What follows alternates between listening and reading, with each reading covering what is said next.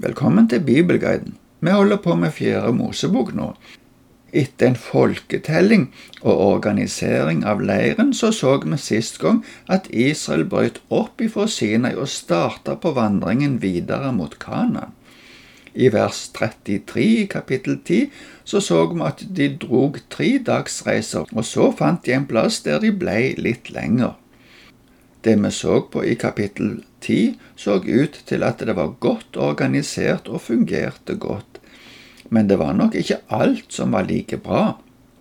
I kapittel 11 skjer det noe som vi kanskje undrer oss over, men som allikevel ikke er helt fremmed for oss heller. Vi leser de første seks versene. Folket begynte å klage bittert til Herren. Da Herren hørte det, ble vreden hans tent. Herrens ild flammet opp blant dem og herjet i utkanten av leiren. Folket ropte til Moses, og Moses ba til Herren. Da sluknet ilden. De kalte dette stedet Tabera, fordi Herrens ild hadde flammet opp blant dem der. Rakkerpakket som fulgte med dem, var umettelig. Da begynte israelittene også å jamre seg igjen. Hvem kan gi oss kjøtt å spise, sa de. Vi husker fisken vi fritt kunne spise i Egypt, og agurkene, vannmelonene og purren, løken og hvitløken. Nå visner vi bort, for vi mangler alt. Øynene våre ser ikke annet enn manna. Her leste vi et uttrykk som er oversatt med rakkerpakke. Norsk bibel oversetter det med hopen av fremmede blant dem. Det kan virke som at det var også en del mennesker som egentlig ikke hørte til Israel, men som på grunn av det som skjedde i Egypt, hadde slått følge. De hadde sett alle plagene Gud sendte over Egypt da han frelste Israel. Dette hadde gjort inntrykk på dem, og derfor ble de med Israel. Men nå begynner det å røyne på. Det står ikke i starten at det var disse mennene som klaga bittert på Herren, men det kan godt hende at det i alle fall var der klagen starta. Det første som skjedde, var at Herren svarte med det at det ble en brann i utkanten. Da Moses ba til Herren, slokna brannen, men anført av disse fremmede menneskene så begynte de å klage på maten som de fikk. De savna alt det gode de hadde hatt i Egypt. Kanskje vi òg noen ganger syns det ser bedre ut det som de har, de som ikke hører til i Herrens leir. Det kan være farlig å lengte etter det som de andre har, eller det vi hadde før vi begynte å følge Herren. Men den maten de hadde, ble kalt manna. Hva var det?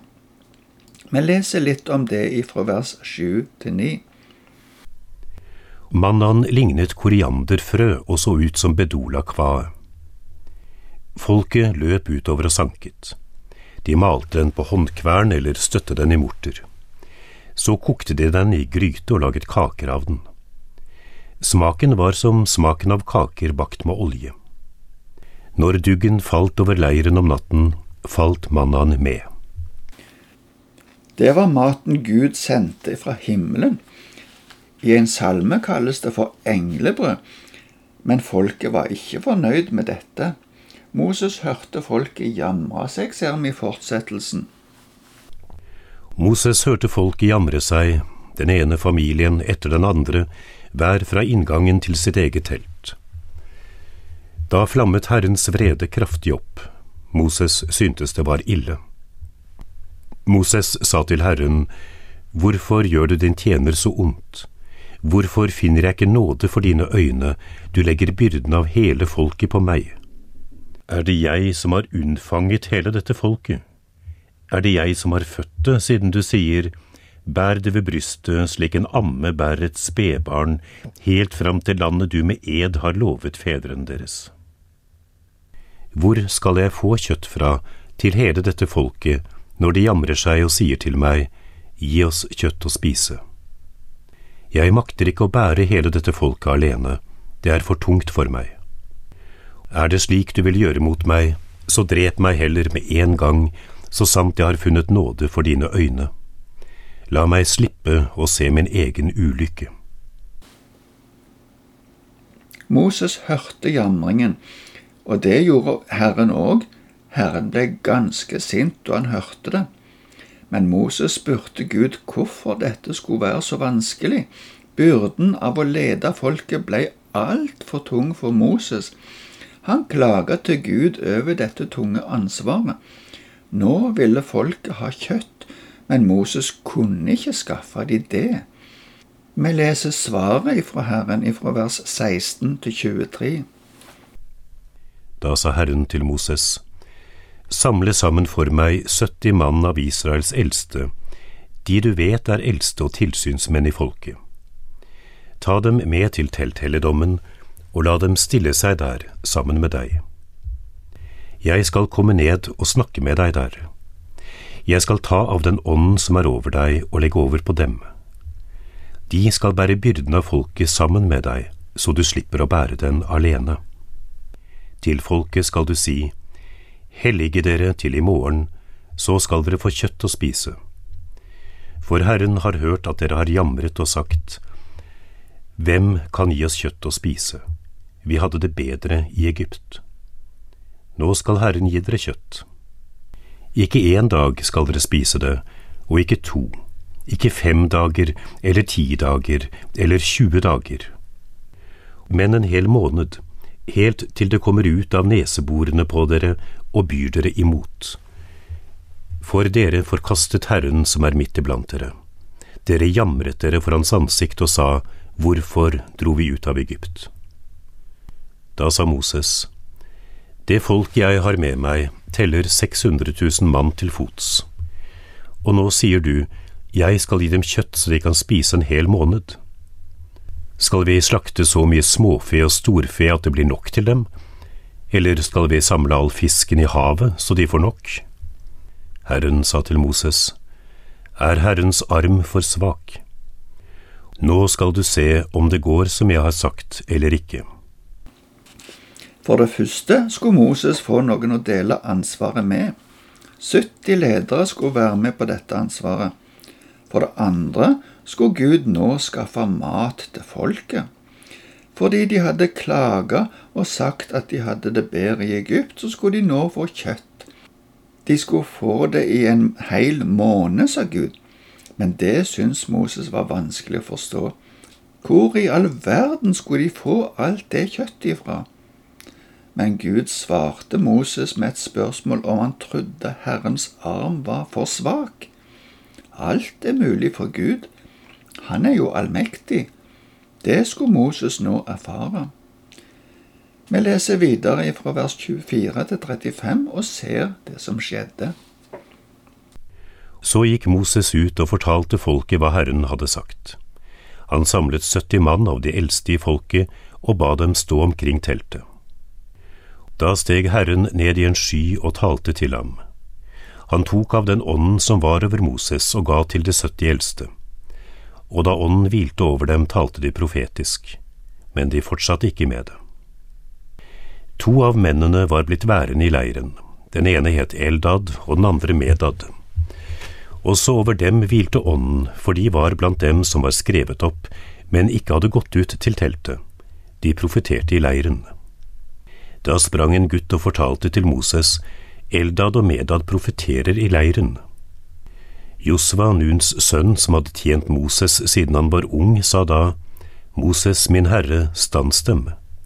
Men Moses svarte, Er du sjalu på mine vegne? Om bare alt Herrens folk var profeter, måtte Herren gi dem alle sin ånd. Så gikk Moses tilbake til leiren sammen med Israels eldste. Da kom en vind fra Herren som førte vaktler inn fra havet i en høyde på omkring to alen over bakken. Vinden strødde dem ut omkring leiren, så langt som en dagsreise på den ene siden og en dagsreise på den andre. Folket samlet vaktler hele den dagen og hele natten og hele dagen etter. Den som samlet minst, samlet ti homer, og de la dem utover rundt hele leiren.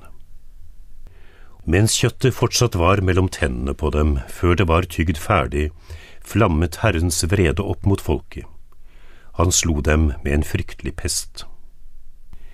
Dette stedet kalte de Kibrot Hatava, for der gravla folket dem som hadde vært grådige.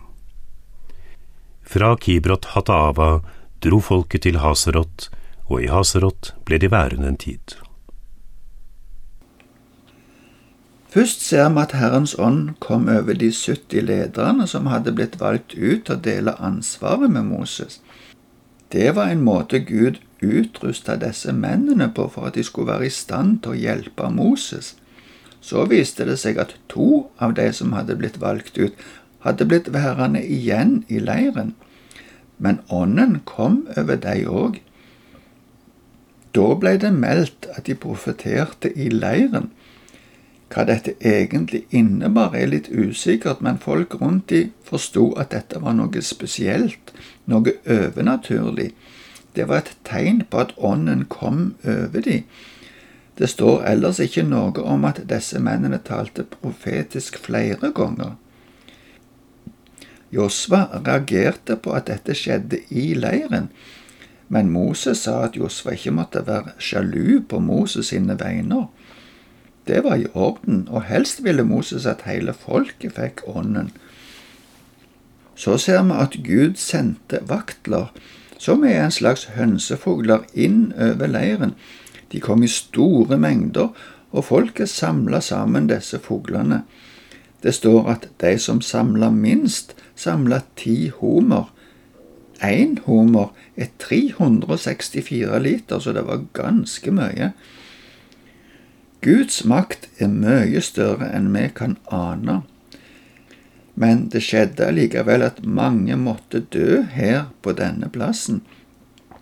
Det var et svar ifra Gud fordi de var så grådige. Navnet på denne plassen betyr grådighetens graver. Derfor skal vi være takknemlige til Gud for det som vi får, og ikke være grådige.